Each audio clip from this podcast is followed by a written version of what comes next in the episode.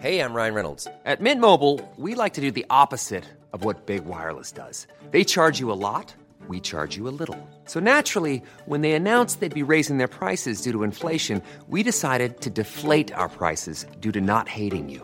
That's right. We're cutting the price of Mint Unlimited from $30 a month to just $15 a month. Give it a try at mintmobile.com slash switch. $45 upfront for three months plus taxes and fees. Promo rate for new customers for limited time. Unlimited more than 40 gigabytes per month. Slows. Full terms at mintmobile.com. Hey there, it's Michelle Norris. I'm host of a podcast called Your Mama's Kitchen. When I travel, I'm usually looking for a way to find a taste of home when I'm not at home. And one of the things I love to do when I am at home is entertain. And Airbnb allows me to do that. When I was in California recently, I rented a house that had a great kitchen. And when we were sitting around the table, we we're all thinking, we're in someone else's house. Someone could be in all of our homes as well. If you have a home, but you're not always at home, you have an Airbnb. Your home might be worth more than you think. Find out how much at airbnb.com/slash host.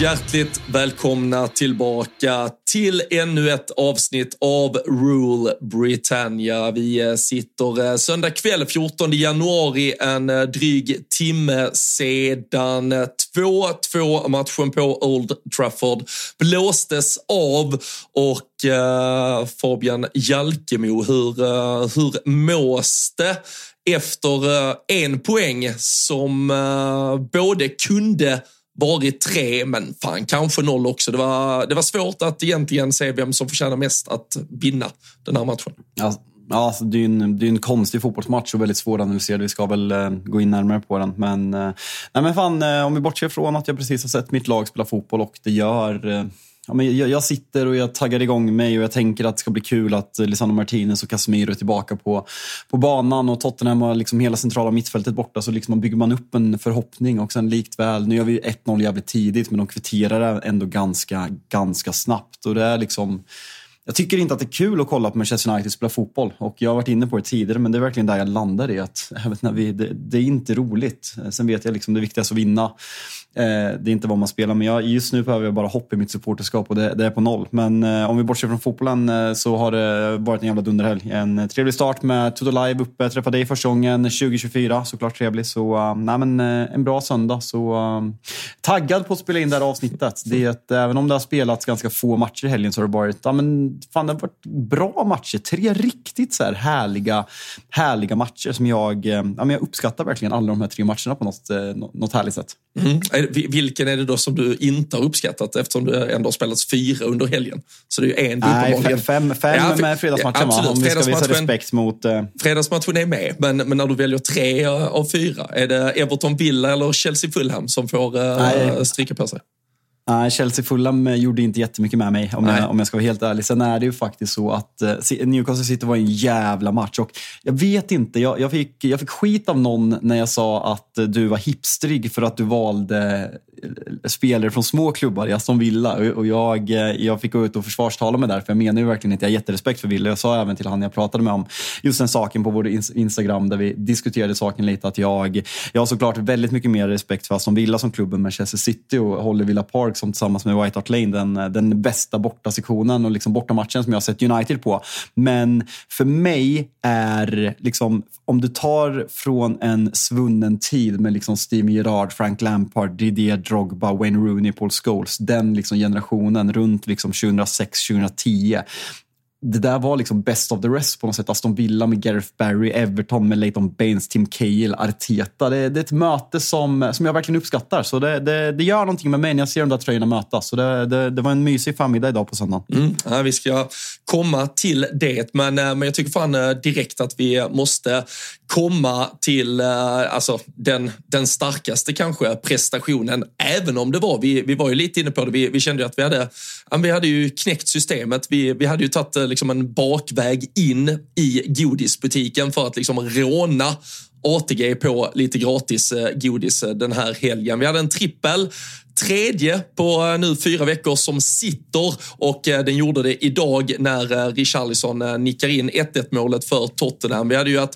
Cole Palmer skulle skjuta minst två skott på mål för Chelsea, Alexander Isak minst ett skott på mål för Newcastle och så Richarlison då minst ett skott också. Alla tre lämnar fan matcherna som målskyttar istället och jag fick, eller vi fick, jag ska inte säga kritik, men det var nog liksom genuina frågor från någon som skrev tätt sett in på matchstart igår då till första matchen att vad fan, jag har skrivit ut här att oddset är typ 7,70 eller 7,60 eller vad det är. Det är typ bara sex gånger pengarna. Ja, men det var ju så nerspelat. Alltså, vi, vi hade ju knäckt system och så är det ju. Det är rörliga odds vi jobbar med där, så det är ju alltid oddset när vi lägger spelet eller presenterar spelet för ATG. Så det får man ju vara med på. Det kan både gå upp och ner, men äh, här, eh, här hittar vi jävligt rätt med spåkulan.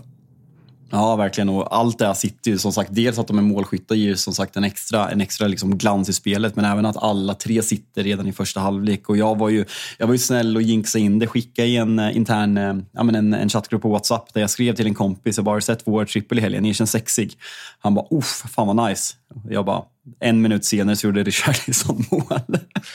så satt den. Så det, det, är egentligen, jag... det är ju egentligen en anti, alltså det är ju feljinxat att försöka ta cred för det. Alltså det är ju snyggt av mig. Jo, det, ja, men United-mässigt ah, var det ju en jinx, men sant. spelmässigt en anti-jinx. Men som sagt, nej, det, det, är kul och vi har redan börjat spåna. Vi, vi var så här lite, fan det, det är tufft när det bara är fyra. Vi vill ju inte spela fredagsmatchen för att det är för tidigt, så det var bara fyra matcher att välja på. Så att vi hittar det här är, är kul och formen ger självförtroende. Så vi har redan börjat kika på nästa vecka där bland annat eh, Ivan Tony gör comeback för, för Brentford och kika lite skottspel kanske. Darwin Nunez skottglad borta mot Bournemouth i Salas frånvaro. Sen ska det även sägas, även om det varit ganska svag utdelning, men det blev nio rätt på Big Nine den här veckan och, eh, och andelarna börjar gå åt mer och mer. Idag, eh, den här veckan tog de slut redan fredag runt, runt lunch, så det gäller att Eh, att, vara med. De öppnar varje onsdag, så ska ni vara med i Big Nine-familjen och köpa andelar så måste ni hänga med helt enkelt. Mm. Och uh, nu ska vi, vi ska liksom inte backtracka något som är, men jag vi hade ju lite olika tankar annars om vi skulle spela matchspel och sådär. Jag tror vi var jävligt rätt på det där också. Om vi, alltså vi, eh, vi, vi, vi känns heta nu faktiskt. Och, vi hade City, satt ju enkelt.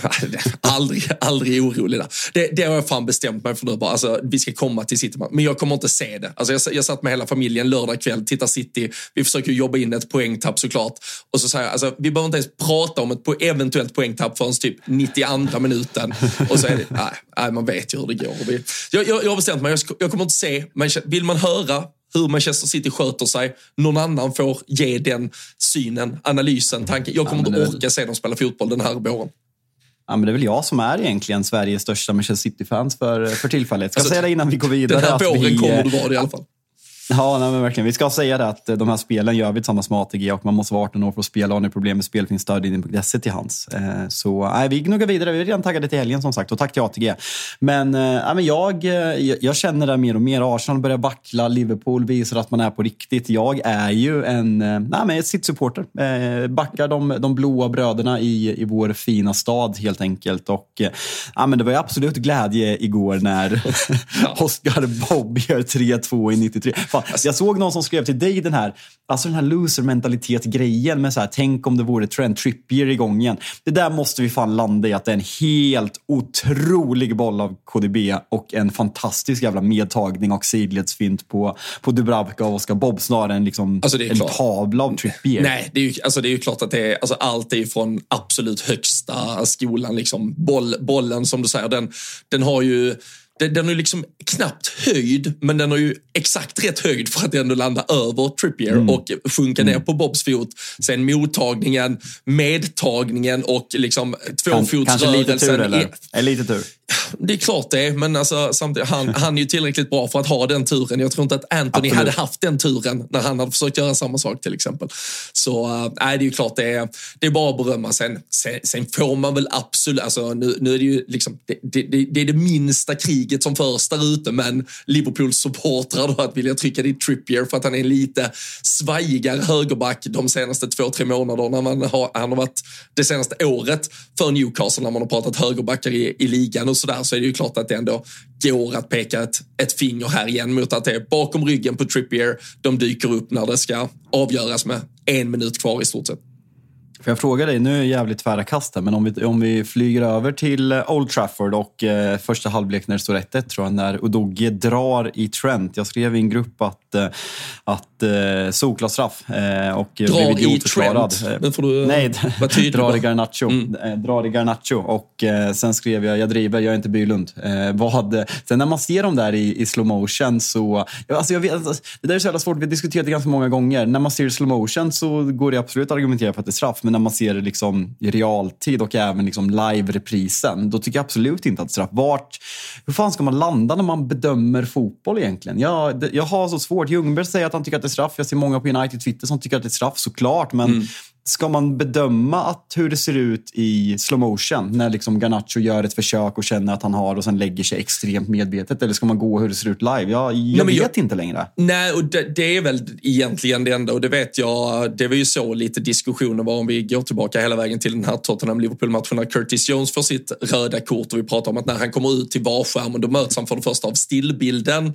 och sen en slow motion-bild på hur Sulan går. Mm. Vi har en på Malou. Flera, flera alternativ. I, alltså, i, i år och även förra året som är likadant. Ja, och nu, och nu har vi, vi hade Malogusto till exempel för Chelsea igår som kommer in ungefär ja, men, exakt identiskt i en tackling. Men nu har man i alla fall sagt från VAR-håll att om du till och med kallar ut domaren till skärmen så ska ju den första han möts av, det ska ju vara 20 sekunder alltså, live-uppspelning eller i alltså, realhastighet mm. på allting så att vi slipper, alltså, Sen kommer vi alltid, det kommer alltid få gå in och nagelfaras. Vi kommer få gå in och detaljstudera på ett sätt som vi inte gör med det blotta ögat från, från första liksom, synpunkt eller liksom, eh, ja, åskådning av det som sker. Men jag, jag tycker väl just den här situationen, det är ja, jättesvårt. Jag, jag, jag, jag tycker inte det är det från början, men som du säger, det finns ju belägg för det.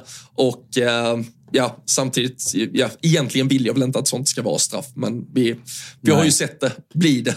Uh, och det är ju alltid det som är problemet. Ja, nej, men alltså jag, jag köper det där att jag inte liksom, att jag kan vara så sansad i situationen beror lite på det jag sa i början att jag jag tycker inte att det är kul att kolla på Manchester United. Hade jag suttit i en titelstrid i liksom din situation så hade jag förmodligen skrikit mig hes efter den här situationen när jag såg den i slow motion. Eh, så, jo, det... så är det. Såg du, såg du förresten, på tal om straffar och slow motion, såg du Tarkovskis jävla satsning som missar typ boll och halvt spelare? Men alltså den är saftig alltså, satan. Ja, men hel, alltså, hela den där matchen hade ju extremt mycket. Vi, vi skrev ju lite om det, så att, eh, fan, och det, det fick jag ju till mig nu under matchen från Old Trafford sen. Satan vi kommer studsa mellan arenorna märker jag redan här. Men alltså, e- Everton United, det vi fick eh, uppleva, 3-0 eh, och allting, det är alltså enda matchen i ligan ni har vunnit med mer än uddamålet den här säsongen överhuvudtaget.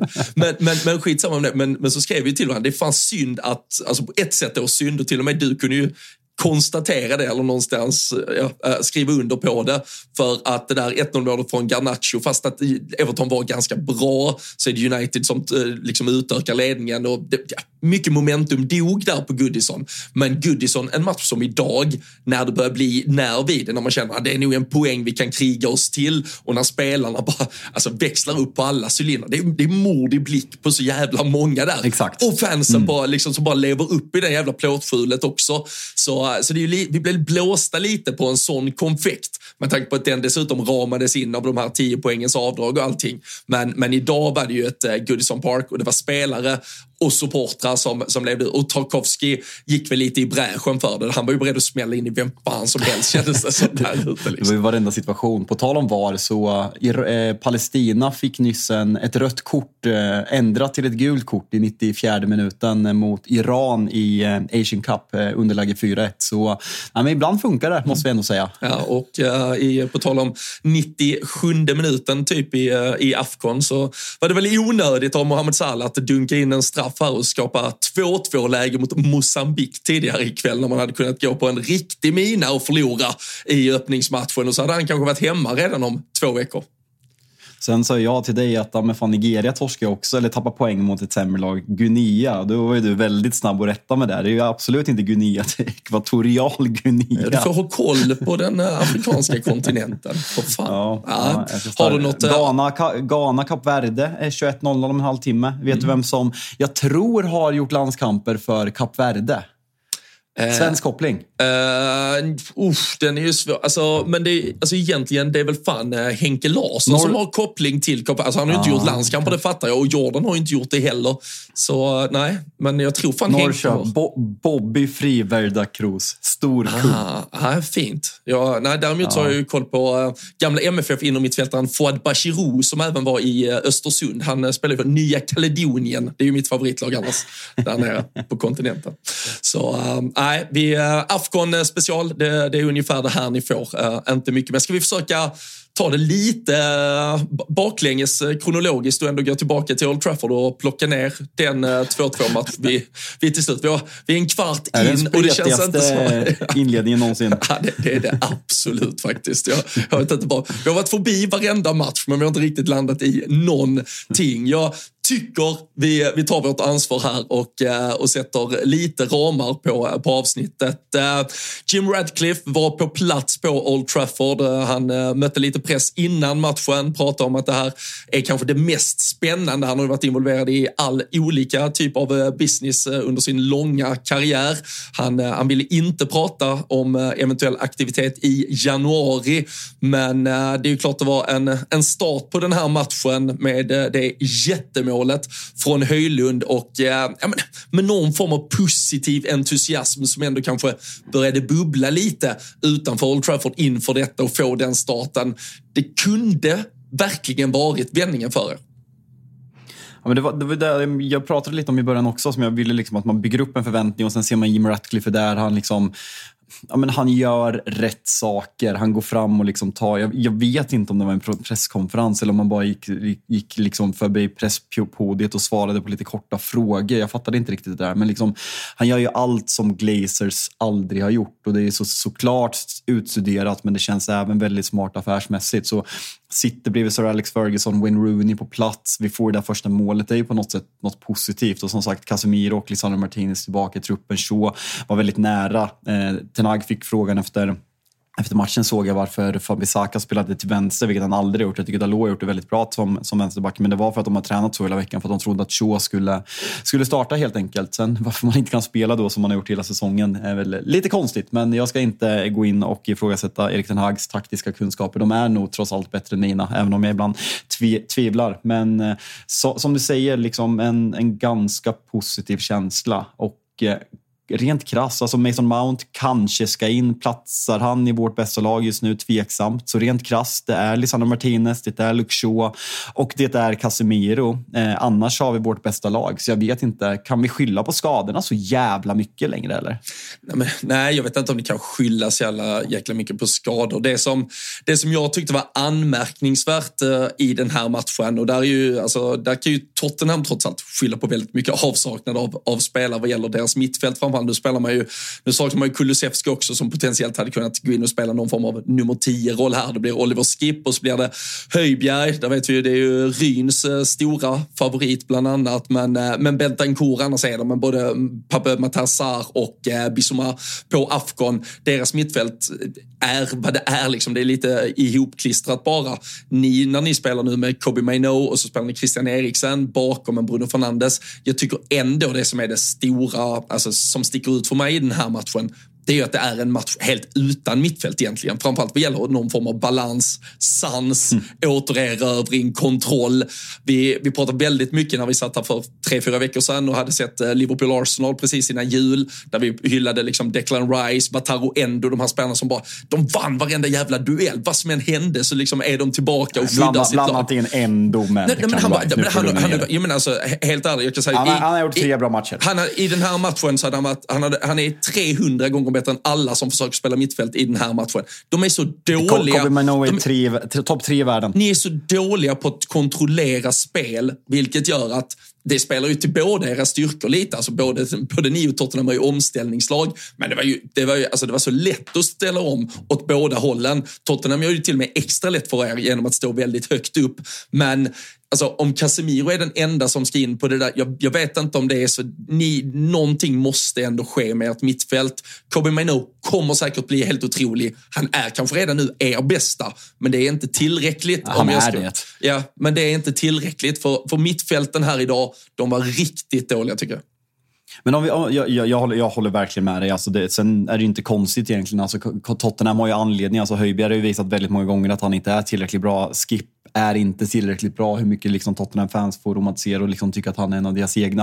Eh, Bentancourt har kommit tillbaka efter dels en korsbandsskada, kommer tillbaka och fick den här smällen. Matty Cash eh, gör sin andra start nu väl. Efter det så har han inte heller fullt tillbaka och ändå ganska tydligt bäst på det där centrala mittfältet. Så det är tre, eller två icke, icke fungerande mittfält idag. Och som sagt, jag vill se, gästade United-podden eh, förra veckan som jag var inne på i förra avsnittet också. Då pratade vi liksom att vi vill se Kobe Mino tillsammans med Casemiro och Bruno Fernandes eller Mason Mount och det ska bli väldigt kul att se. Sen tror inte jag att det här kommer lösa allting och en quick fix, men innan man liksom jag har redan dömt det, men det är liksom, jag, greppar, jag greppar verkligen efter halmstrå Jag, jag ser fram emot att se det på något sätt. Men eh, vad, vi har diskuterat det här tidigare, vi har pratat både med Alice och Ryn om det och vi pratade kanske framförallt efter Chelsea-matchen när Tottenham ja, men, blir överkörda med skador på alla och två utvisningar. Den här matchen, jag, jag, jag twittrade om det. Jag fattar inte. Alltså jag tycker att Manchester United är ett uh, uselt fotbollslag. Alltså vi är skitdåliga och jag fattar inte vad Erik Ten Hag vill göra med det här laget. Vad han är ute efter. Vi är som en dålig kopia på Ole Gunnar Solskjärs Manchester United och alla som har följt mig och lyssnat på mig vet vad jag tyckte om Ole Gunnar Solskjär som tränare i Manchester United. Hur kan Ange Postecoglou, oavsett filosofi, låta Manchester United spela på sina styrkor när man har Marcus Rashford, när man har Rasmus Höjlund, när man har eh, Garnacho och när man har Bruno Fernandes som är en, ja, men han är fan en av världens bästa spelare på att slå den där liksom no-look-passen som man gör exempelvis på, på 1-0 eh, målet till Rashford när han får en liten dålig mottagning, även flera till Marcus Rashford. Man måste kunna vara lite cynisk, man kan ha en filosofi, men man måste kunna vara lite cynisk och liksom ställa sig för liksom när när det där mittfältet blir av med bollen, det går fort alltså. Och Tottenham, även om de kanske är bättre över 90 minuter, det hade lika gärna kunnat bli en förlust trots att de är ett ah, i grund och botten verkligen. klart mycket bättre fotbollslag. Ja, och det, nu hade han ju visserligen då både Romero och van de Ven tillbaka, så då var det väl... Eh, då var... De ska vara glada för, ja, för då, de är så jävla bra. Ja, och då var det väl helt givet att han också skulle gå liksom full out med sin uh, gameplan som alltid är att uh, etablera spelet, trycka upp det så högt som möjligt och sen ställa sig också så högt som möjligt hur mycket det än blottar. Och, och problemet här och det man har sett tidigare mot honom är ju när Pedro Porro och eh, går, går in så mycket centralt i banan som de gör så, så öppnas ju kanterna så extremt mycket för. Framförallt där man då på högersidan, eller deras högersida har Pedro Porro som någonstans är den som framförallt med det sargade mittfält de har så krävs det ju väldigt mycket av honom offensivt med hans fot, att han involveras och är väldigt mycket drivande i deras offensiv. Att då släppa den ytan till en Rashford bakom sig. Alltså vad fan, då kan till och med en spelare som inte har gjort mål på sju månader på Old Trafford hitta dit med den till slut. Och eh, jag, jag, tror du refererar väl även till andra halvleken mot, eh, mot Aston Villa där, där Aston Villa trots 2-0-ledning står kvar så här högt. Och det, det, det tycker jag, det har vi pratat om i andra sammanhang med spelare eller tränare som någonstans tar sin filosofi och pusha gränsen för den lite. Det, det kan vara alltifrån att uh, De Serbi vill spela den här ja, men, nätta passningsfotbollen i eget straffområde med Louis Dunk till slut kanske du ska slå den lite längre bollen. Och på samma sätt här med både Emery och eh, eh, med sina höga backlinjer där de nog kanske hade kunnat falla av någon meter. Speciellt när inte dina mittfält orkar riktigt hålla uppe pressspelet och göra det så pass lätt att sätta in bollarna bakom. Så det, det är klart att det, det blir lite för lätt för United och precis som du säger med, med allt negativt man kan säga om er så finns det ändå en X-faktor kvar i laget i, i det omställningsspelet och, och att hitta ut i de ytterzonerna. Sen, eh, sen hade ni väl till och med kunnat göra det ännu bättre som så. Ni, skapar, ni får ju faktiskt fler lägen till det och Rashford med lite mer självförtroende, lite mer klinisk så, så kanske han till och med avgör den här matchen eller ska göra det till och med. Mm. Nej, men, nej, men så, är, så är det. Och liksom, det, är, det är surt när McTominay har den där nicken i slutet. Det, det måste varit en, som du säger, alltså, icke-existerande mittfält, men det måste ändå varit en ganska underhållande men match det var det ju som, som neutral. För det, för det, för det svängde och liksom var svängdörrar. Sen finns det ju lag med stora brister och jag, jag, jag tror ju verkligen att vi pratade, det var, det var jävligt intressant att ha ja, men, eh, eh, Sia som, som gäst i eh, Total Weekend i, igår lördag där vi pratade om ja, men framtida eventuell ersättare till Erik Ten Hag i Manchester United och vi pratade lite De Serbi och Sia har ju följt liksom, De Serbi närmare än de flesta svenskar som, som, som har stenkoll på Serie A men han pratar ju liksom att han han tror inte att han kommer kunna ta ett lag till liksom den yttersta världsnivån för att han är så ja, men han är så extrem i sin filosofi och det är det som vi var inne på också, berömt Pep Guardiola enormt mycket för att han har ju förändrat det. Det var han som liksom, ja men han upptäckte väl, alltså nu kommer någon säkert rätta mig och säga att det var någon annan som upptäckte det, men det var han som gjorde det liksom, det var han som fick inverterade ytterbackar och bli mode, liksom började med Philip Lahm och sen så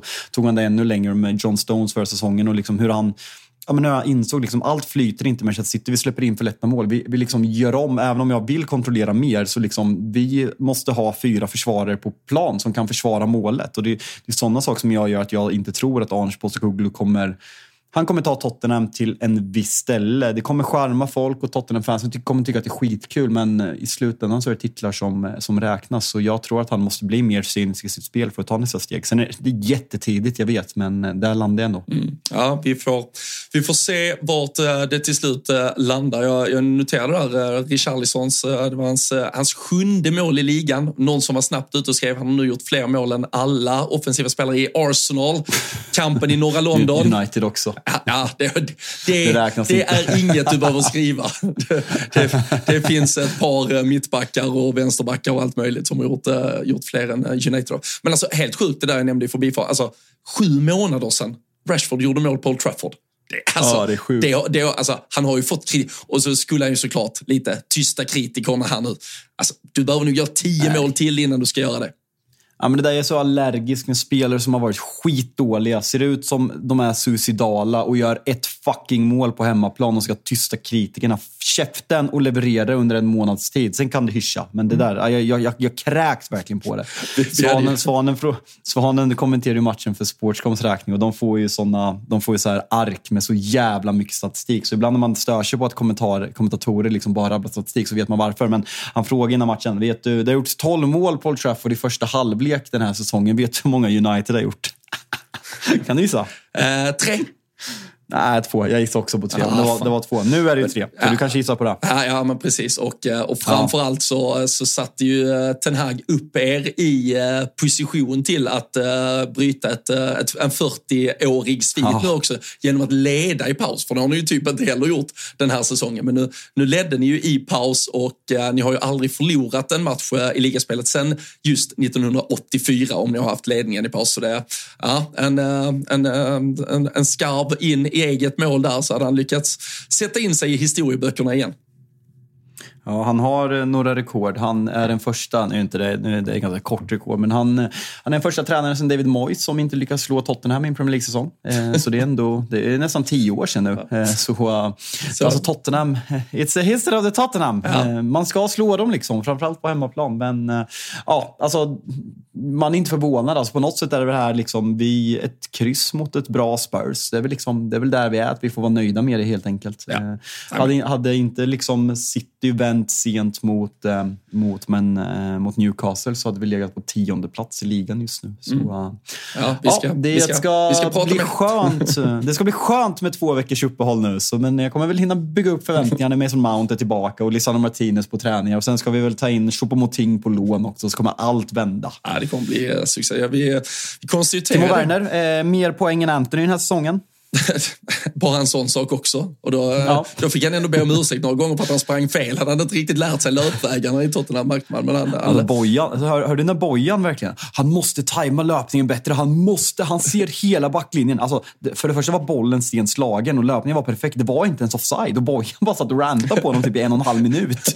han, han bara minns att han sprang ju alltid offside i Chelsea. Liksom. Exakt. Han ska bara jo, men det, det. Var så här, det, var ett, det var ett personligt gammalt hat från Bojan där som verkligen lyste igenom. Eh, ja. Verkligen. Nej, det var startdebut direkt där för Timo Werner och äh, även Dragusin kom ju in sen. Men eh, jag tänkte bara, för du, du eh, gick ju igenom lite av er historiska tränaruppsättning ni har haft här i, i modern tid. Ole Gunnar Solskär nämnde du också. Ja, vi måste ju ändå bara, jag tror ändå vi har ett, ett, ett folk där ute som sitter och lyssnar på detta här nu. Måndag, kanske på väg till skola, jobb eller någonting och, och, och känner att de måste veta hur Fabian Jalkemo reagerade på nyheten att Ole Gunnar Solskär eventuellt var ett av namnen som uh, kunde lägga beslag på förbundskaptensjobbet i Sverige. Alltså, jag, jag, fick jätte, jag fick fan jättemycket skit när jag skrev en ganska raljant, raljant tweet om att Eh, Eh, jag skickar bara haha herregud och en, garvgubbe när Ole Gunnar Solskjaer hade haft möte med Svenska fotbollsförbundet. Och det där trodde jag, liksom, jag kanske tar mig själv på för stort allvar, men liksom, jag hade ju en, eh, en, eh, en agenda mot Ole Gunnar Solskjaer under ganska lång tid. Han är liksom, jag, jag fick en, tröj, en gammal tröja av Petter Landén med Solskjaer. Jag, liksom, jag har den som WhatsApp-visningsbild. ja, det, var, det var en väldigt lång och komplex relation till Ole Gunnar Solskjaer när han var tränare för United. Och sen bara kände jag, ska han komma tillbaka i mitt liv? Jag orkar inte. Jag orkar faktiskt inte se honom. Jag älskar honom för 99, men jag orkar faktiskt inte se honom. Så det var, liksom, det var ju mest det att han, han följer efter mig. Eh, rent sportsligt eh, sett till vad alternativen är, att det liksom börjar pratas Tony Tiger och eh, Henke Larsson, så eh, hade det väl varit jättebra. Men nu är rapporterna från idag i norska tidningar att eh, han har tackat nej. Eh, vad, vad känner du, bara kort om vi, om vi tar Ole-situationen? Nej, nej, men jag tror också, alltså för det första, det sportsliga egentligen. Det, att, att bygga en ganska ganska solid defensiv. Det tycker jag att han visade tendenser till att han nog hade möjlighet, eller kunde göra. Han hade verktygen till det och, och byggde ett ganska lågt stående United som framförallt i, ja, men i, i matcher mot, eh, på pappret, bättre lag så att säga, så kunde ni försvara väldigt, väldigt bra och så var ni ganska vassa faktiskt, ganska raka på ett annat sätt i omställningsspelet och, och för Sveriges del så kanske det är exakt det vi hade behövt. Ett, ett lag som lär sig försvara lågt, lär sig vinna sina dueller och sen när vi får bollen sätter iväg den på dem ja, men tre, fyra spelarna framåt som vi ställer något form av hopp till att eh, kunna ja, genomföra någonting konstruktivt. Sen, sen förstår jag ju helt och hållet hur, hur, hur du känner. Alltså, det är ju på samma sätt som om Roy Hodgson skulle dyka upp. Alltså, ja, men han, är också, fan, han gjorde det och bra. Du hade honom typ ett halvår. Jag hade Ole ja, tre jo, men, fucking jävla år. Ja, absolut. Ja, men jag förstår. Det, det är ett djupare sår och, och det blöder fortfarande på ett annat sätt. Det köper jag. Men sen, det är sen, typ Graham Sones för Liverpool. Ja, för fan. Ja, men han är ju ändå han är legend också på något annat sätt. Han, fan, han, jo, han, han har kommit undan. Men det är Ola också. Ja, det, det är Ola också på något jävla sätt. Men, uh, nej, men det jag skulle säga sen så, det, var, det är kul när man, när man då läser lite i de norska tidningarna, när man bara så, så hade de intervjuat någon norsk, ja, det var någon expert i alla fall i någon tidning som hade uttalat sig, så de bara så här, nej men samtidigt, vi förstår ju ändå att uh, Ole tackar nej här. Det är ju en tragisk svensk fotbollsgeneration och det är klart han inte vågar ta sig an det här uppdraget. Det är dömt att misslyckas och så här. Han har tydligen också tackat nej till både Besiktas och Sevilla, ja, uppgav norsk media i alla fall. Alltså, alltså, alltså Sevilla kan inte höra av sig till Ole Gunnar Solskär. Det är hål i huvudet. Ja, men de, de har väl haft typ fyra, de har fyra tränare bara den här säsongen. Alltså, det är inte så många kvar. De måste, ja, de måste ju ringa. det är ju snart Mellberg får ett samtal där med. Vet. Vad är det Moy säger? Vad är det för namn han säger? Eramenji. Irmen. tänkte en lite, tänkte en lite spansk-norsk mancunian eh, dialekt från, från Ole nere på, nere på uh, östkusten. Eller, nej, Sevilla är fan mitt i landet. Nu är jag riktigt svag. Ja. Jag tänkte att det var mot Marbella, men det är mitt i landet. Du har varit där, så du har koll på det där. Ja, Skit i Ole nu! Du, det gör vi. Eh, det gör vi. Hej, jag Ryan Reynolds. Recently, I asked Mint Mobiles legal team if big wireless companies are allowed to raise prices due to inflation. They said yes. And then when I asked if raising prices technically violates those onerous two-year contracts, they said, what the f*** are you talking about, you insane Hollywood ass?" So to recap, we're cutting the price of Mint Unlimited from $30 a month to just $15 a month. Give it a try at mintmobile.com slash switch. $45 up front for three months plus taxes and fees. Promoting for new customers for limited time. Unlimited more than 40 gigabytes per month. Slows. Full terms at mintmobile.com. I'm Sandra, and I'm just the professional your small business was looking for. But you didn't hire me because you didn't use LinkedIn jobs. LinkedIn has professionals you can't find anywhere else, including those who aren't actively looking for a new job but might be open to the perfect role, like me. In a given month, over 70% of LinkedIn users don't visit other leading job sites. So if you're not looking on LinkedIn, you'll miss out on great candidates like Sandra. Start hiring professionals like a professional. Post your free job on linkedin.com/people today. Hey there, it's Michelle Norris. I'm host of a podcast called Your Mama's Kitchen. When I travel, I'm usually looking for a way to find a taste of home when I'm not at home. And one of the things I love to do when I am at home is entertain. And Airbnb allows me to do that. When I was in California recently, I rented a house that had a great kitchen. And when we were sitting around the table, we we're all thinking, we're in someone else's house. Someone could be in all of our homes as well. If you have a home, but you're not always at home, you have an Airbnb. Your home might be worth more than you think. Find out how much at airbnb.com/slash host.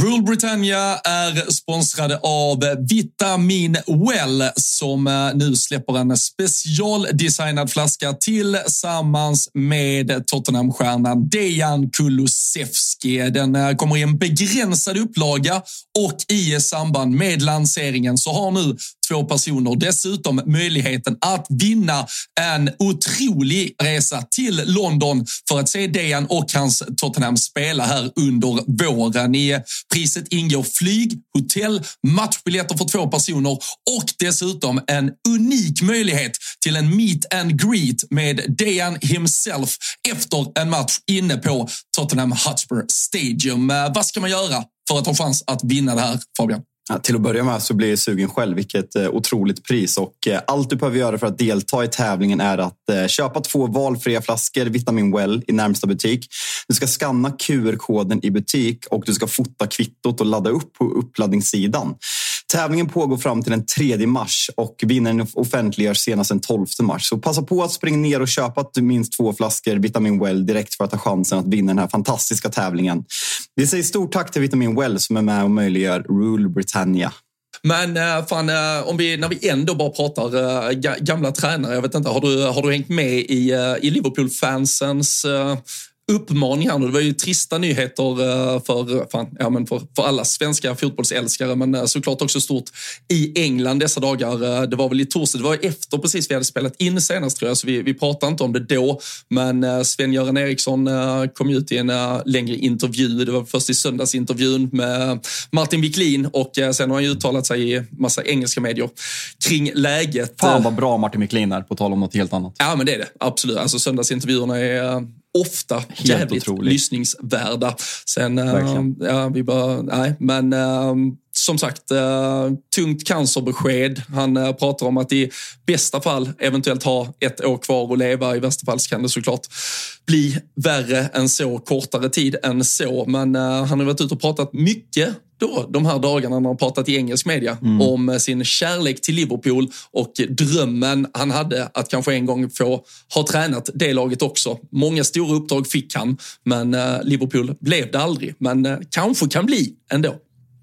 Har ni något, det, det snackas jag såg att du retweetade, är det någon Legends-match på gång eller? Eller Mm. är det liksom i sommar man pratar om, om eller finns det någon inbokad nu i vinter? Nej, men det är det som är. Vi spelar alltid. Det börjar landslagsuppehållet i mars. Jag skulle gissa Ja. att det ligger typ så 20-25 mars, har jag för mig. Det brukar ligga ungefär.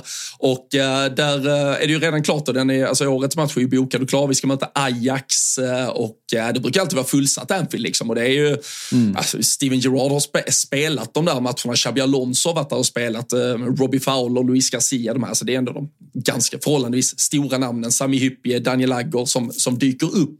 Men eh, normalt sett brukar det vara Kenny Dalglish, lite så här, eh, alibi-assisterad av typ Ian Rush eller John Aldrich beroende på om de är snörar på sig skorna eller inte.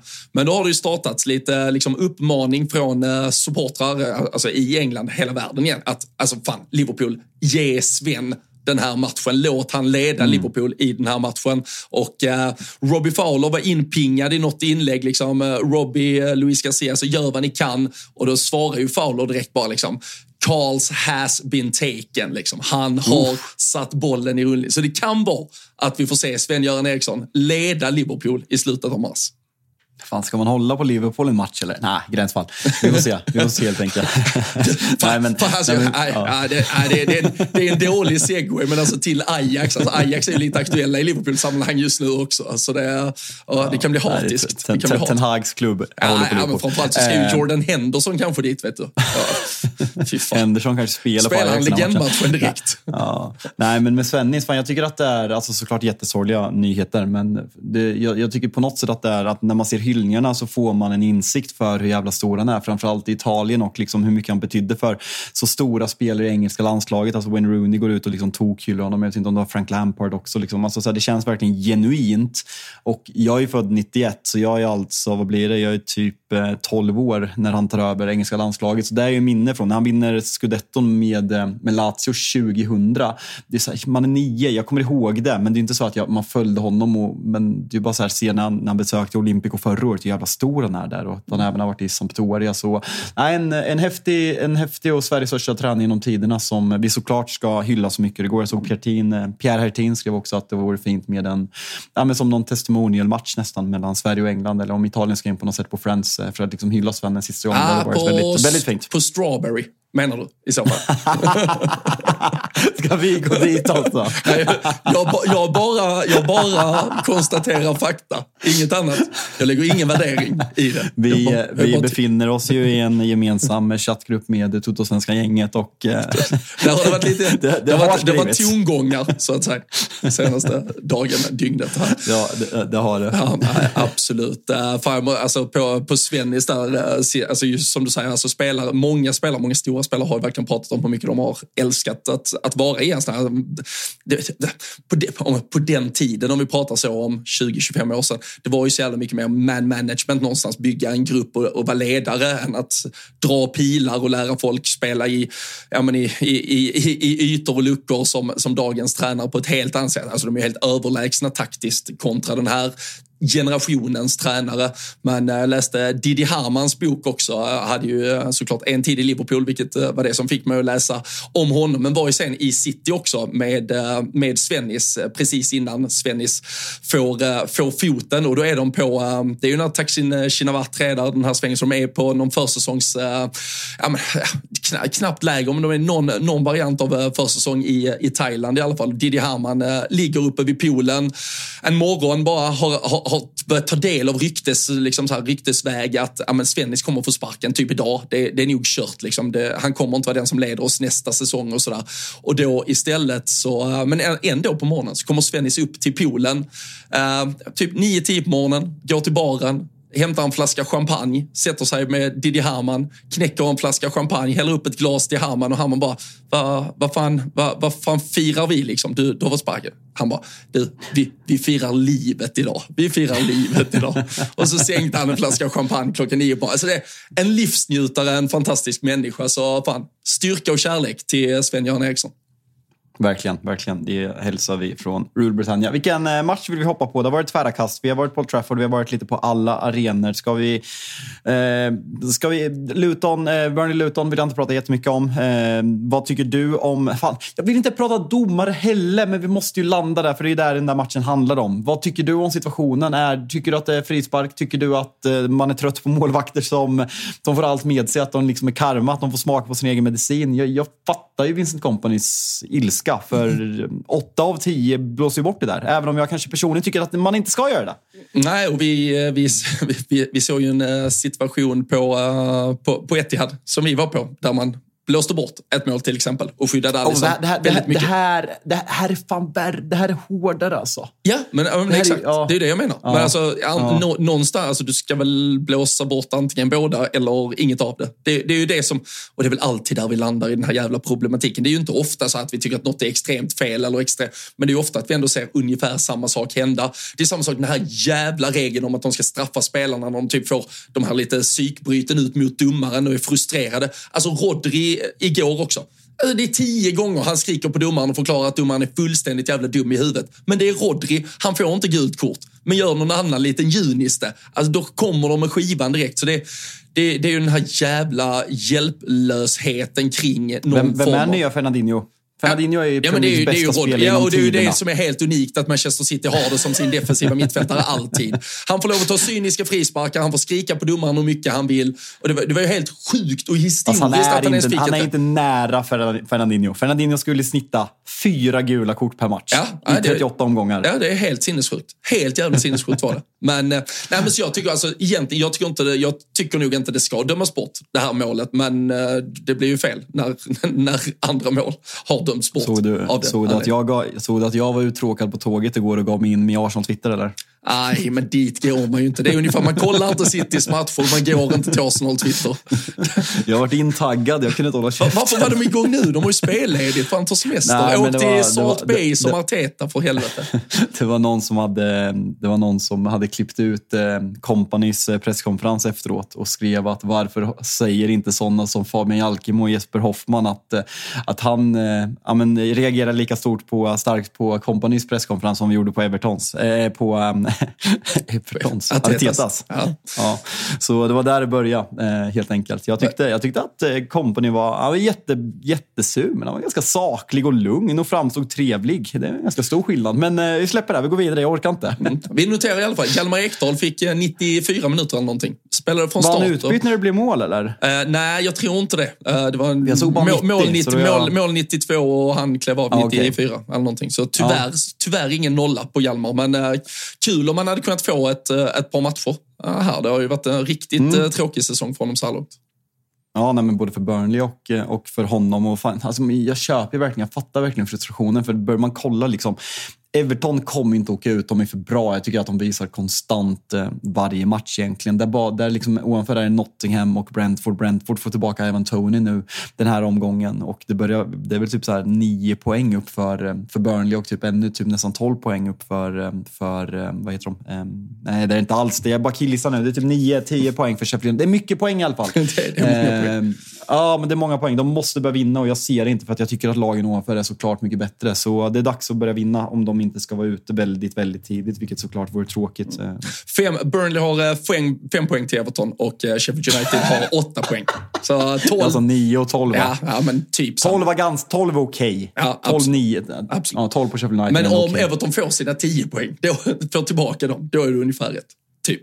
Nästan. Ja, ja, så, ja det, var, det var det jag utgick ifrån. Jag, jag backar ju. Premier League is corrupt. Så, eh, så, så är det. Eh, Väldigt Jag sitter där och kollar. Jag har, jag har ändå plakaten som vi fick på Goodison. Den ligger här med lägenheten så jag ser den. Du, eh, du, är corrupt. redo, du är redo att eh, ta till gator och torg liksom, om det behövs. Jajamensan. Ja, det- Jajamensan. Fan, vässa högaffeln ut. Fan, kan man sälja den eller? Alltså, signerad, lotta ut. Ja. Signerad av mig. Musik, musikhjälpen eh, i december. En signerad Ja, Premier Leagues Corrupt eh, A4 av eh, Fabian av Jalkemo. Fabian Jalkemo. Alltså, kommer det- gå till, det kommer gå till vår superresa med Johnny Shelby i Turkiet. Alltså, ja, men den hade blivit dyr, tror jag. Så alltså, kör för fan. 20 lax. Ja, minst. minst. Vi säljer. Ja. Annars köper jag tillbaka Per, den. per, per kanske hade betalat dyrt. Ja, alltså, vem vet. Någon, någon vill väl ha den i alla fall. Någon Everton-supporter med, med för mycket eh, tid, pengar och liksom eh, fullständig obryddhet kring eh, finansiella eh, investeringar. De slår till. Sant. Vi, eh, vi får se. Men eh, ska vi avslöja Everton-Villa från idag då? Eh, 0-0. eh, det- vi pratar om liksom, lite generaliserat ett brittiskt klassikermöte och det blev ju lite av det också. Det var inget lag som bjöd på skönspel direkt, men det var fan hårt och tufft där. Mm, nej, men, eh, rolig, rolig match och eh, det är så svårt med som Villa. Då, när, eh, jag tror att det var Axel Olsson som kommenterade och Jonas, Jonas Olsson. Och de säger så här, om Villa gör mål nu i slutet så ligger man delad etta. Man, man, man glömmer ju Nej, typ jag vet, att Villa... Nej, men så här, man tar dem inte seriöst för att man tror inte att det kommer hålla, men de är ju verkligen med där Och framförallt så uppe. tycker Liksom- man väl att de har tappat några poäng nu. Att det, liksom, de borde väl ha tappat av lite från den där absoluta Ja. toppen. Men det har de inte heller gjort, Ja. så de, är- de är fan med där och Men Det är, hugger. väl, att- det är väl att alla ta, tappar. Liksom. City ju liksom haft, eh, har inte spelat för att de var på VM. Eh, eh, Arsenal har tappat ganska mycket poäng och ni låg ju en del poäng efter. Det är ni som har gått rent, så det är liksom ni som har tagit igen och liksom gått ikapp. Så Villa har ju liksom, ni har ju tagit ikapp Villa och gått om. Det är därför det känns så. Men nej, det är ett, eh, vad, vad, vad säger man om Villa då? Alltså, Everton är ju Everton, liksom, men vad är det som ska Villa nöja sig? Tror, att, tror du, om vi ställer frågan nu, när Tottenham också tappar poäng, tror du att Villa kommer fyra? För jag eh, är svårt att se att man kommer topp tre i alla fall.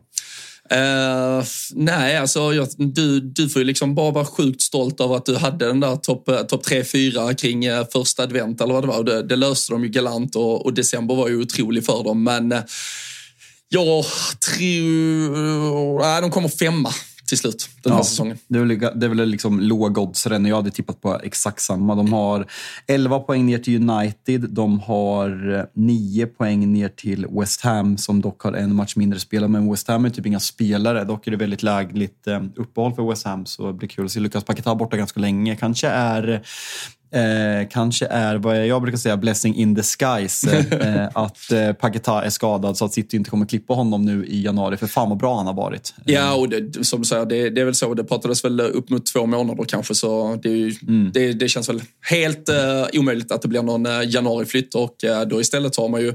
Alltså man har ändå lagt sig på en position, West Ham, som ja, även om man skulle falla tillbaka ett par uh, positioner och landa någonstans i mitten så är det en Premier League-säsong som för dem är, är högst godkänd. Och så istället så har man ju ytterligare ett Europagrupp eller slutspel att eh, ta sig an framåt eh, mars istället. Och har man paketat tillbaka då istället så skulle ju den säsongen liksom kunna få, få fart på nytt igen. Så eh, det är ju inte så att West Ham behöver lägga sig ner och dö här. Man har ju fan dessutom tagit 10 av 12 senaste poängen. Det är Sheffield United trots allt i den här halvrundan som spelas nu till helgen. Så man ska nog kunna vara på, på benen ett, ett tag till framöver tror jag. Mm, det, blir, eh, det blir intressant att eh, se. Chelsea fortsätter vinna hemma. Eh, börjar klättra. Jag tror att man ligger på typ topp fem på formtabellen senaste fem matcherna. Eh, ja, vi fick ju lite, vad, ja, vi fick ju lite liksom, ja. slag, slag på fingrarna där. Det var väl halvt ironiskt och ungefär med samma tonalitet som när du försöker säga något positivt om Manchester United. Men det var väl någon som skrev till oss att fan, det, det här haveriet Chelsea trots allt har typ bäst form tillsammans med Liverpool de senaste åtta matcherna tror jag de hade gått tillbaka från första veckan i december eller någonting. Vunnit fem av åtta och ja, eh, resultatmässigt då, uppenbarligen så har man ju staplat ett par vinster. Men eh, det, det är ju fortfarande mycket som saknas i det spelmässiga.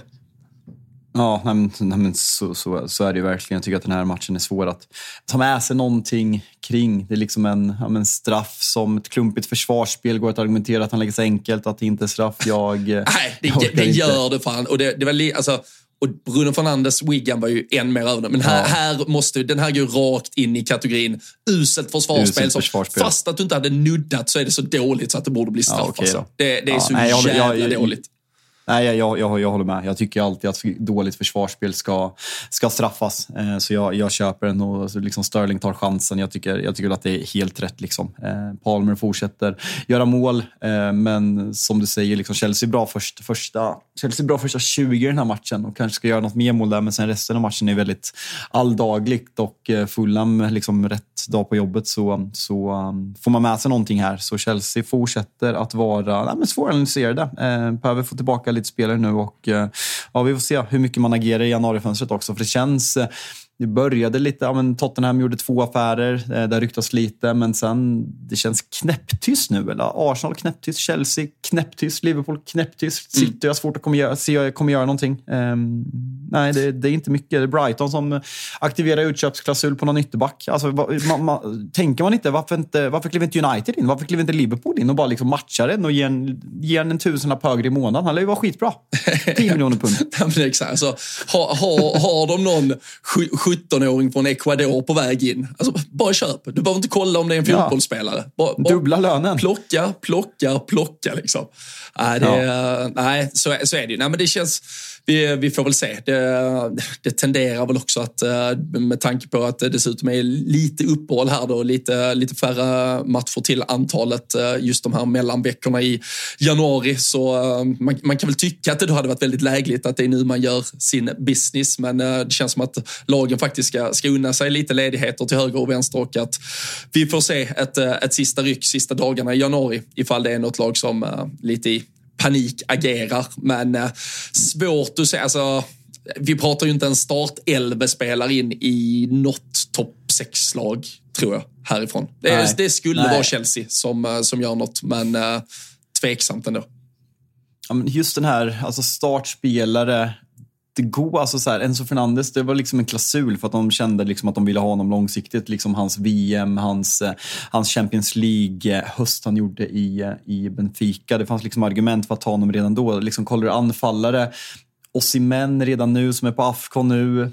Liksom, nej, alltså, de kommer kunna få, om de bestämmer sig för Osimhen så kommer de kunna ta honom i sommar. Viktor Gyökeres 100 miljoner euro. Folk snackar om att det är en självklarhet. Liksom. Han, han har gjort det bra en säsong i Championship och gör mål i en, i en liga väldigt många spelare historiskt sett har gjort mål i. Eh, det är väldigt mycket svenska ögon när det kommer till Viktor Gyökeres. Eh, jag hoppas såklart att han kommer bli den spelaren som många tror, men det är väldigt mycket svenska ögon eh, där likt det med Alexander Isak väldigt ofta. Ja, och man, men, alltså, man, man hör ja. ju inte surr, alltså om man vidgar sin Twitterbubbla lite och liksom internationaliserar den, då ser man ju inte samma samma snack ute i supporterkretsar om att det är en anfallare i Sporting som Chelsea, Arsenal och de här toppklubbarna Nej. borde smälla en miljard på. Så vi är, som du säger, vi, vi är väldigt färgade i det. Alltså, hade du gått till gemene man på puben utanför Stamford Bridge och frågat, alltså Osimhen eller den här Gyökeres, vad är du sugen på? Det finns inte en enda spelare, eller supporter där som hade varit sugen på Viktor Gyökeres,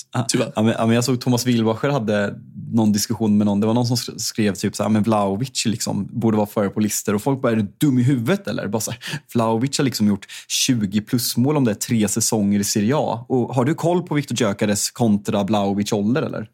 Ah, nej, men det kan väl skilja. Nej, de är, men de är nog typ, fan, typ lika gamla. Kan de vara 99 och 00 båda två? Vlahovic är alltså två år yngre än Gyökeres. Ja, till och med, han är 98 fan Gyökeres. Han, är, ja. han blir 26 Vlahovic 00. Exakt. Det är nej, det jag Han är inte ens alltså, det är så, nej, nej, men det är sån jävla disrespekt mot liksom det Blaovic har gjort. Alltså, dels han liksom, ja, men, charmat hela fotbollsitalien i Fiorentina och liksom haft skadeproblem och spelar i ett dysfunktionellt... Juventus måste ju vara världens värsta lag att spela anfallare i om man liksom ska göra mål. Max Allegris Juventus. Alltså Vlahovic har uträttat mycket, mycket mer än vad Viktor Gyökeres har gjort om vi ska vara helt nyktra ögon. Och sen, eh, alltså jag bara lägger ut den här, Alexander Isak äh, tredje bästa anfallare, nordiska anfallaren i Premier League just nu. Uh, Såg du Rasmus Höjlund? Alltså, vänstersläggan upp i krysset. Vilken match han gör. Fan, du. vi pratar om Alexander Isak och uh, hans Newcastle. Ja, det kan vi göra. Jag var bara tvungen att kika den eh, liksom alltid lika legendariska skytteligan i eh, just Portugal. Med tanke på att Gyökeres ska ju gå för miljarden då. Liksom. Ja, du vet, det är ju någon jävla Simon Banza i Braga som har gjort mycket fler mål. Ta han istället då. Han är väl bättre, uppenbarligen. Om vi nu bara ska gå på mål i Portugal. Men uh, nej. Vad heter ligan nu igen? Sånt kan ju du. Uh, nej, men den heter väl bara Primera. Primera Liga. Ja, det, Primera Liga. Ja, det, det, det, finns en, en, jag tror det i alla fall. Liga Portugal. Något, ja, inget speciellt på den. Men Estoril och andra pisslag, som vanligt, involverade. Men eh, Alexander Isak, eh, vårt, eh, vårt ena ben i den där eh, trippen. Otroligt eh, avslut, men eh, var tvungen att kolla. Ortega som kom in i målet. 1,83 lång korta armar. Oh, det är som jag. Ja, uh, både Gordon och uh, Isak såklart med extrem kvalitet. Men det var väldigt lätt för dem att hitta det bortre hörnet. Ja, alltså, ja, verkligen. Så folk börjar kritisera Kyle Walker också. Alltså, han kan väl absolut vara lite aggressiv, eh, men, lite mer aggressiv, men det, det, är ju två otroliga jävla prestationer. Alltså Anthony Gordons, det, alltså, det är fint medtag och liksom avslutet. Det är två ruggigt fina mål. Jag landar fan samma där som jag sa med Oscar Bobbs 3-2 mål. Istället för att liksom hålla på fine, liksom, de fysiska attributerna på Ortega kontra Ederson eller om man kollar andra långa målvakter så är det klart att det går att säga att en annan målvakt hade haft möjlighet att rädda den. Men det är otroliga prestationer av de anfallande ja. spelare. Liksom, man pratar liksom om Wenger-regler med offside för att det ska främja offensiv fotboll, att det ska bli mer mål. Jag tycker på något sätt att man måste fokusera på det briljanta när offensiva spelare gör på den här nivån. Kolla förresten nu, vet du hur många eh, skott på mål Alexander Isak sköt den här matchen? Nej, i början satt jag ju förbannade mig på att han inte skär för det är ju här, det är någon offside-avvinkling, det är någon när han passar. Men skjuter, ja. skjuter han kanske tre skott på mål till slut. Ja, det stämmer. Fem totalt, tre mm. på mål. Så den, den, den läste vi också jävligt bra om vi återgår till, till vår trippel. Så det var, ja men fan, eh, jävla sjöslag det här. Och eh, Newcastle, det är det här som gör att jag Alltså så här, att man kan se skillnad. Återigen, jag återkommer till det. Jag känner mig tjatig. Jag ser skillnad på resultat och prestation. Manchester United ligger före Newcastle i ligan. Men ingen kan påstå att Manchester United är ett bättre fotbollslag än vad Newcastle är. Alltså så här, United skulle aldrig kunna göra den här matchen. Alltså så här, Newcastle står upp på ett sätt som inte bara är kontringsfotboll mot Manchester City i den här matchen. Nej, ja, fast står de upp tillräckligt i slutet? Alltså, sen, Nej, sen, alltså, alltså, de, viker, de viker ju absolut ner sig, men just den här att de, de straffar Manchester City så enormt mycket. Alltså, så här, jag, och jag, jag, Newcastle har ju bra insatser den här, även om de liksom har haft skadeproblem och liksom har haft problem att dubbla med Champions League för att de inte är vana. Nu låter det som att jag bara kommer med ursäkter, men jag tycker fortfarande att det finns ett extremt högkvalitativt fotbollslag som gör fast, väldigt bra fotbollsmatcher. Fast här tycker Något jag, jag inte ser i Ja. ja, men här tycker jag snarare att exakt den matchen de gör i lördags mot City, det är exakt en sån match ni hade kunnat göra mot City. Ni hade också kunnat straffa i, eh, i djupled med den höga tidiga bollen, komma över, avsluta, göra något mål. Men ni hade inte orkat stå upp mot dem för att ni har inte ett mittfält som orkar tillräckligt mycket. Ni har inte, alltså, nu är det jättepåverkat Newcastle, vad saknar man? Man är väl uppe i liksom en, en hel start 11 som är borta.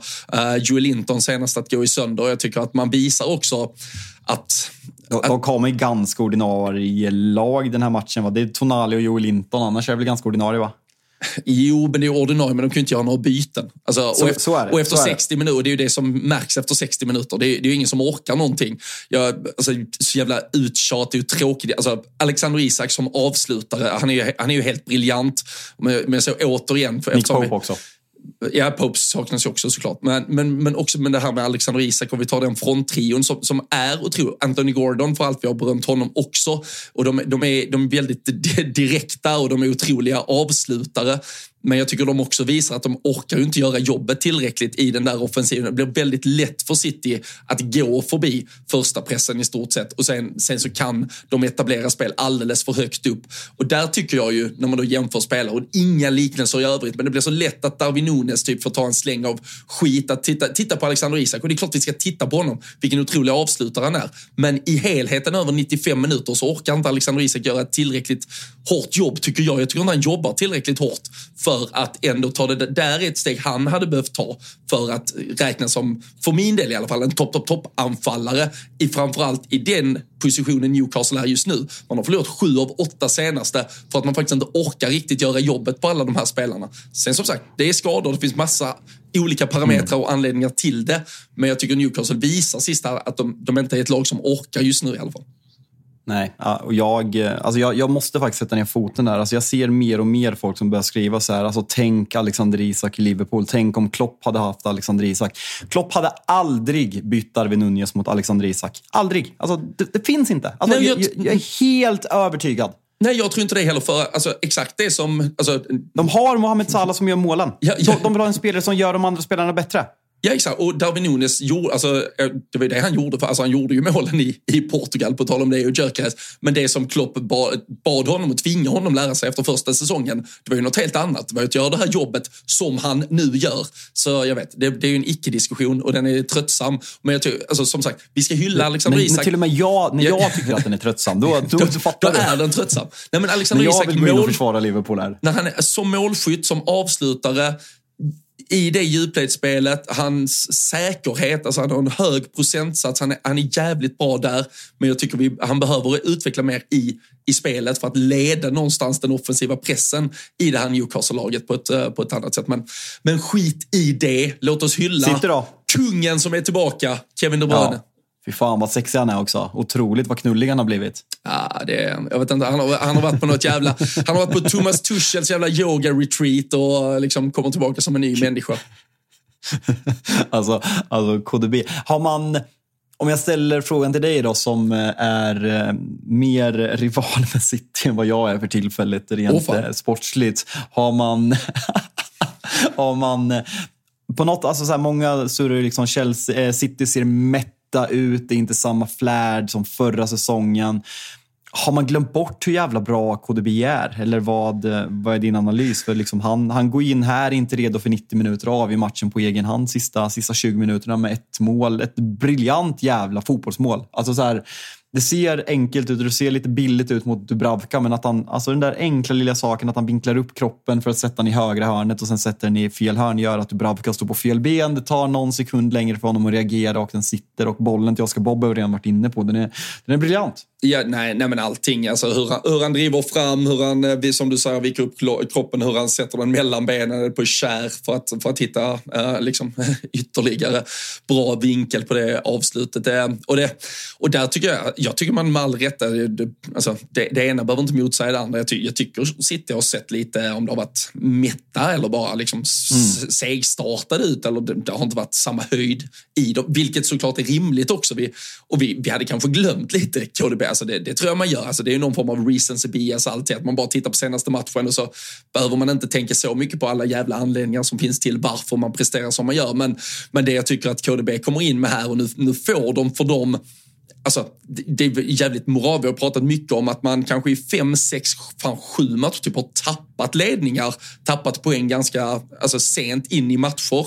Medan man här nu får, får göra en sån här häftig, alltså det är trots allt borta på St. James's, man avgör i 92 tredje, man, man har sin borta eh, liksom, eh, away end framför sig.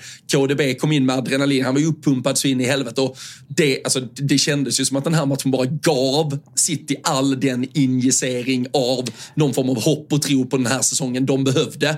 Och jag, jag har sett dem göra det förr, tro mig, de kan vinna 18 raka matcher härifrån in i mål. Och det, och, det här... och det är inte ens jätteöverdrivet. Det är mycket Nej. möjligt. Det enda fördelen Liverpool, enda chansen Liverpool har nu, det är att vi faktiskt har fler poäng redan. Så vi behöver också vinna. 17-18 raka. Då kanske kryssa, det kan kryssa bli. på Anfield. Ja. Nej, men alltså, det, det, här känns ju verkligen, om man såg det, sällan man ser Pep Guardiola reagera som han gjorde på det här målet. Eh, och jag tror att han, ja, men, det är som du säger, de har gjort det tidigare. De har, man har tvekat på det och man har liksom sagt som förra säsongen att man, man landar i att Arsenal ser så fruktansvärt mycket bättre ut och sen har City bara, ja, men, alltså, visat vilka som är bäst och liksom vi, vi sitter och håller käften. Och man fick verkligen den känslan efter de där scenerna och liksom framför borta sessionen. Rodri liksom vet vad det betyder och springa omkring och kramar eh, Oscar Bob. Det, eh, det skulle inte förvåna så jag tror att det här, vinner City ligan så tror jag att den här vändningen kan vara någonting som man ser tillbaka på som, som väldigt, eh, väldigt avgörande. Vad mm. Nej, skulle jag säga? Men, men gällande, gällande KDB som vi var inne på. Jag såg en, någon skrev och frågade så här, KDB bästa mittfältaren i Premier Leagues historia? Vad, vad säger du om jag säger det? Uh, ja, det är han väl. Antagligen. Ja. Uh, alltså, det känns inte, visst känns det inte som det? Och det är återigen att det var bättre förr. Och liksom man kollar, liksom Scholes var bättre, kanske under en längre tid. Steven Gerrard hade en längre karriär. KDB och han har ju sin Chelsea-session, men det borde vi inte räkna. Han har varit i City sedan 2015. Han har alltså vunnit fem ligor, fem ligakupper, två FA-cuper och en Champions League och varit liksom, ja, men, bäst hela tiden. Alltså, Scholes var ju aldrig... Scholes kanske var viktigast, men han var ju liksom han, han är ju ständigt underskattad för att han liksom inte hade det visuella och inte brydde sig om media. Medan Gerard ledde ett lag, men han vann ju inga titlar och det måste man ändå ha. Frank Lampard var alltid jävligt bra, men för mig var det på något sätt Drogba som var liksom ansiktet utåt för det där. Det var John Terry där bak. Det var liksom en, en ramhård jävla defensiv. För mig när jag tänker på City under Pep Guardiola och liksom Citys framgångsera, då är det KDB ja, det... som jag tänker på som den bästa spelaren i, ja, men, det låter ju platt att säga Citys historia, men liksom, ska man prata liksom Mike Summerby och liksom Colin Bell och skit, det vet ju liksom City-supportrarna inte ens vilka det är. nej, nej. Det, det, jag, jag, har ju bet, jag, har ju bet, jag har ju bättre koll på dem än vad City, Sveriges City-fans har. Ja, men jag tror, alltså, det, det som... Uh, alltså, och så är det, så, det som, det som talar lite, det talar egentligen inte emot Kevin De Bruyne, men det som kanske gör det, det svårare att acceptera att det skulle vara han eventuellt, det är att man tycker typ att han har haft lite för lätt i den omgivningen han var. Alltså förutsättningarna Absolut. för att vinna alla de här titlarna, för att trä in alla de här assisterna, för att rulla in alla de här målen, att det typ har varit för lätt. Alltså, Steve, hade Steven Gerrard placerats i det här laget så hade han kanske haft samma siffra. Han hade kanske också bara bombat in boll efter boll efter boll. Och det, alltså så här, det, det blir så jävla svårt att jämföra. Men jag tror det, det, det, man kanske hade behövt ha av KDB, alltså det jag tyckte var lite häftigt nu när han var tillbaka, alltså förutom då att det är en jävla glow-up och en helt ny aura kring honom, men också det här att han någonstans visar passionen, att han ledde. För där tycker jag han alltid har varit lite för blek någonstans. Det är också för att City inte har behövt lida sig till så jävla mycket framgång, utan man har ofta bara sköljt över. Men det hade varit rätt häftigt om City behöver verkligen lida sig till en ligatitel, eller i alla fall gå upp i ett race nu med Liverpool och det inte är så jävla självklart tidigare. Att KDB får vara det där, ja, men, han får vara ett rivjärn på ett annat sätt. Han får vara något mer mm. än bara briljans. Då tror jag, jag tror det nästan hade behövts för att man ska, helvete vad han kom in med hjärta, passion, liksom blödde för tröjan någonstast. Eh, det, det har ju typ aldrig en City-spelare behövt göra. Vet du förresten, på tal om underskattade Paul Scholes. Vet du hur många jävla Premier League-titlar han har eller? Alltså, är det typ så 12? Han är inte med på första. United har väl 12 Premier League-titlar, Okay. eh, sammanlagt Ferguson. Eh, Scholes har 11. Det, Ja. och liksom, Nej, han, är ju, han, är en, eh, han är en garant. Det är väl 12-13 är han ju inte liksom dominerande. Det är de två, tre Har du inte någon sång inte om liksom Paul Scholes alla titlar du kan delge oss? Hej Scholes, Scholes, galå, hej Scholes, Scholes, hej Scholes, Scholes, galå, hej Scholes, Scholes, hej Scholes, Scholes, galå, hej Scholes, Scholes, Paul Scholes, hej Scholes, Scholes. Alltså det, det, Bra, va? ah, det var din bästa här på tre veckor. Fan vad fint. Den ska rakt in på topplistan. Sen, sen var det ju en hyllning till Michael Carrick också när, när han kom fram liksom att han, han var den nya Scholes. Hard to believe it's not Scholes. Uh-huh. Carrick, you know. Inte lika bra. Bra. Nej, inte lika bra. Nej, jag vet, men den, är mysig. Original, originallåten Magic är, den är mysig. Ja, ja, men det, det, det, det tar vi med oss. Eh, Vi fortsätter fylla på med, med Jalkens äh, små äh, så, så, så, så, Så klippa ut i slutet av säsongen. Det- Kan du, kan du så här, timestampa alla så klipper vi ut. Ja, jag borde verkligen göra. Fy fan vilken jävla... Ett, ett mixtape som man kan ta med sig liksom när man äh, Det över hade ju varit kul. Ja, verkligen. Men du, med lite, det har varit med lite jul och nyårsfirande och allt möjligt och eh, framförallt lite då spretigt eh, fotbollsspelande. Det har varit eh, kupp, kupper och så har det lite halvrundor och allt möjligt. Men är det dags att kliva upp och ut igen på Lad of the Week-stegen Oh, och fan, titulera någon med detta. Och jag tänker att det kanske är personen vi nyss har pratat lite om som ska få titeln direkt. Alltså det måste ju vara det. Alltså, alltså allt. Alltså han, han är ju väldigt olädig med sin nya knulliga frilla. Eh, men eh, hans jävla comeback, alltså det är en sån, alltså han hänger ut den rejält. Så det är klart att det är vår kära KDB. Och om jag får om jag får bolla upp ett namn för Fool of the Week så um, ja, det har ju varit en snackis den här veckan. Det har ju varit en gammal Liverpool-bekanting till dig, en eh, gammal kapten till dig som eh, sålde ut hela sitt jävla legacy eh, och gick till Saudiarabien för pengarna. Eh, han har ångrat sig. vad, fan. eh, vad säger du om Jordan Hendersons eh, halvår? Eh, eller om vi, vi drar ner till veckan, jag orkar inte prata om halvår. Nej, nej men det, det är ju parodi. Som, som jag sa, jag, jag lyssnade på, eller lyssnade inte på, men jag läste en eh, intervju med Ajax eh, tränare här eh, efter ett... Var fan spelar Viktor Edvardsen? Kan det vara Excelsior? Eller Go Ahead Eagle- Eagles? i- Go Ahead Eagles. Eagles. Ja, okej. Ja. Då, var- då var det de de mötte idag i alla fall, för jag såg att Viktor Edvardsen eh, gjorde mål. Men eh, Ajax tränare eh, uttalade sig efteråt där att de, de för verkligen seriös dialog med Jordan Henderson. Han vill tillbaka till Europa, men det, det ligger lite på Henderson att lösa det med sin klubb i Saudi. Då. De har ju något långt jävla vinteruppehåll här, typ en, en månad till. Det är väl med tanke på asiatiska mästerskapen och annat. Men nej, Henderson insåg att det var, det var piss att bo i Saudi. Och fan, och eh, vill eh, tillbaka till Europa nu efter att ha hovat in då drygt eh, 200 miljoner eller någonting som han har gjort på ett halvår. Men eh, nej, alltså det, det är ju så han var, Det pratade vi om liksom i somras. Han var den som hade om det var rättvist eller ej, han hade, med, han hade satt sig på en lite högre häst och liksom, förts upp på en lite högre piedestal än vad de flesta andra.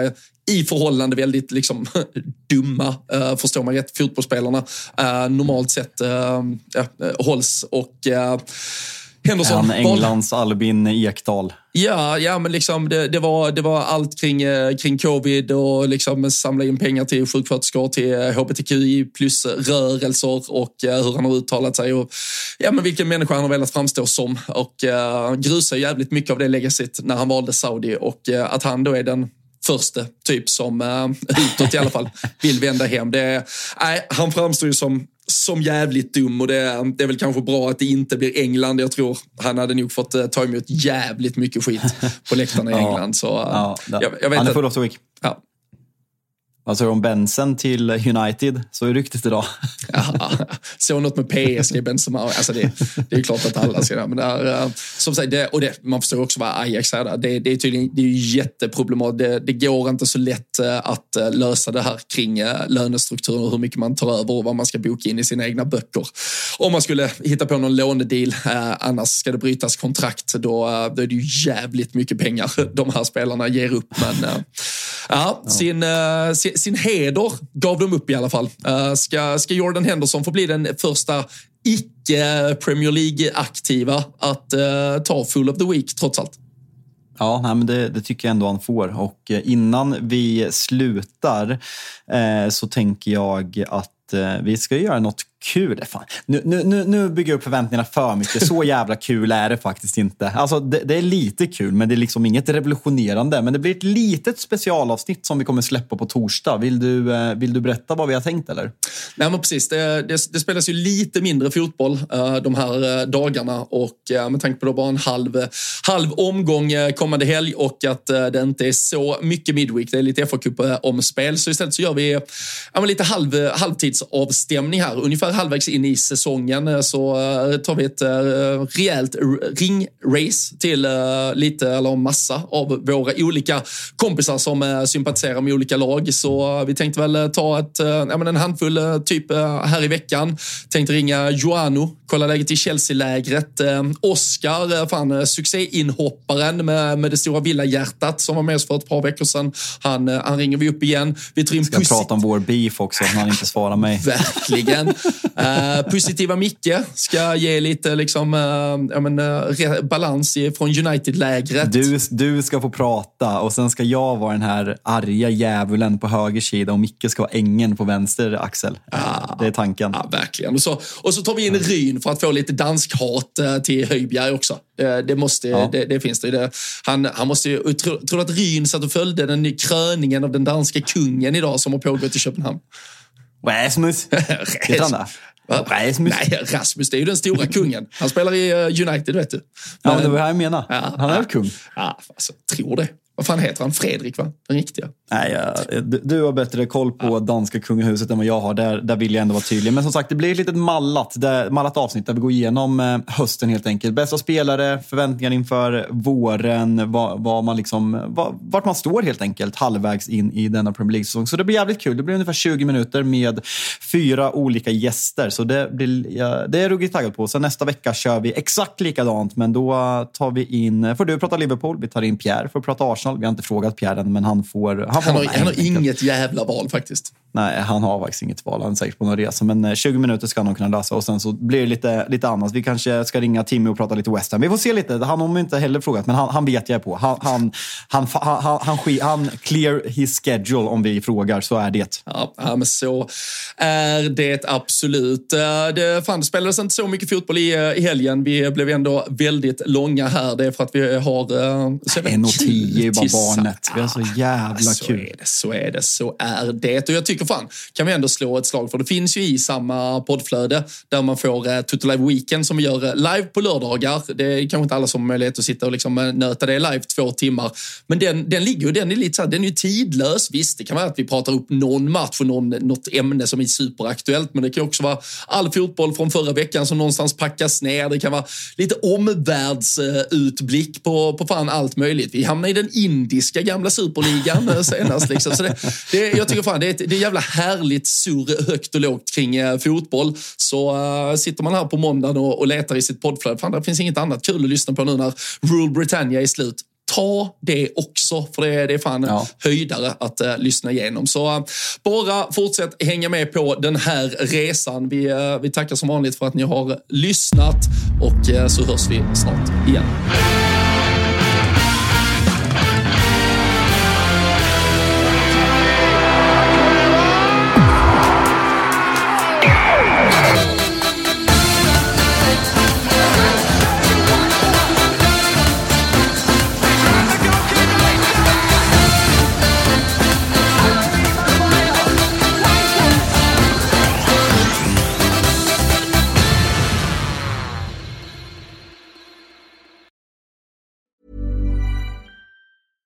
Even when we're on a budget, we still deserve nice things.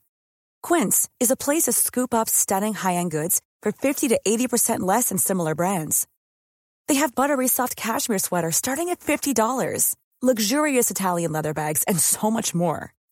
Plus, Quince only works with factories that use safe, ethical, and responsible manufacturing. Get the high-end goods you'll love without the high price tag with Quince. Go to quince.com/style for free shipping and 365-day returns.